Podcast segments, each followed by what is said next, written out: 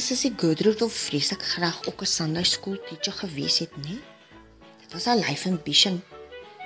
Soos dit nou is, word Antlina baie siek met die griep en kan nie die kindertjies mooi gaan storie vertel nie. Dominee laat weet sy kan maar kom. Die Sondag trek sy haar mooiste kerkrokkie aan, kompleet met 'n matching hoed en als dan works en gaan sit voel in die moederskamer. Die kindertjies sit in rye want hulle hoor daar's 'n show vandag. Elkeen het hulle se 50 sente vir kollekte ook onthou. Gertrude vat sommer die geldjies en sit dit in haar beursie. Ek wys vir niemand is vir die kerk. Dis nie jou pyfe vandag nie. Hoe het maar jou dan groot gemaak? En dis so hy. Hy trek sy weg met die storie. Once upon a time there was a gat diep in sy koes, Adam en Eva. Hulle het in 'n fancy tuin gebly. Daar was blommetjies en baie bome met lekker kenvruit vruggetjies, né? Hulle het so lekker gebly, maar daar was one golden rule. Jy mag kyk, maar jy mag nie eet nie. Adam raak honger en gat roep vir sy goose. "Nee," sê Eva, "hou vir jou in, man. Jy gaan goor maag kry. Jy weet jy mag eet nie." Ag nee man sê die slang, wat so nonsens is dit nou? Eet man, try hom. Hy's mooi gaar, lekker soet ook prom. Ooh nee, maar toe staan 'n moeilikheid in daardie tuin van Ethiopië.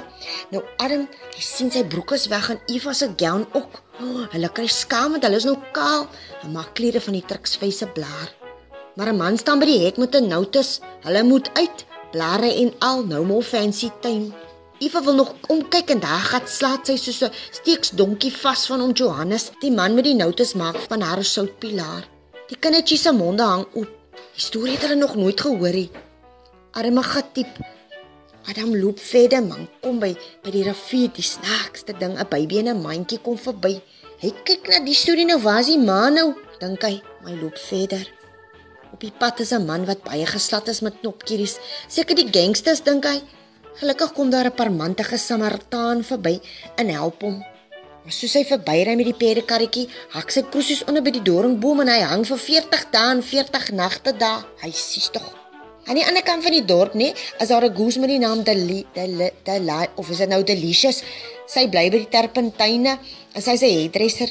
Sy sê sommer Simon se hare alles af for no reason. Hy's so kwaad, hy hardloop aan hardloop, maar hy kyk nie en hy val in 'n gat. Ek sê vir jou met baie leeuwe maar hulle doen hom niks want met al die hardloop stink hy te vreeslik. Hulle loop sulke draaie om hom. Die manne sê by die dokka Jonas het ingeval en toe sluk die groot vis hom in. Maar ek glo nie daai storie nie want ek sien nooit dat hulle enige groot visse vang nie. Dis altyd net sulke ou klein sardientjies wat huis toe kom en hulle se nette nou hoe. Anyway, Gertrude sien die kindertjies raak moeg en die arme ouderling sukkel die hele tyd om haar te stop, maar hy, sy dog, hy wil hande op lê op die kinders soos hy haar aandag probeer kry. Ons sal maar volgende week verder gaan.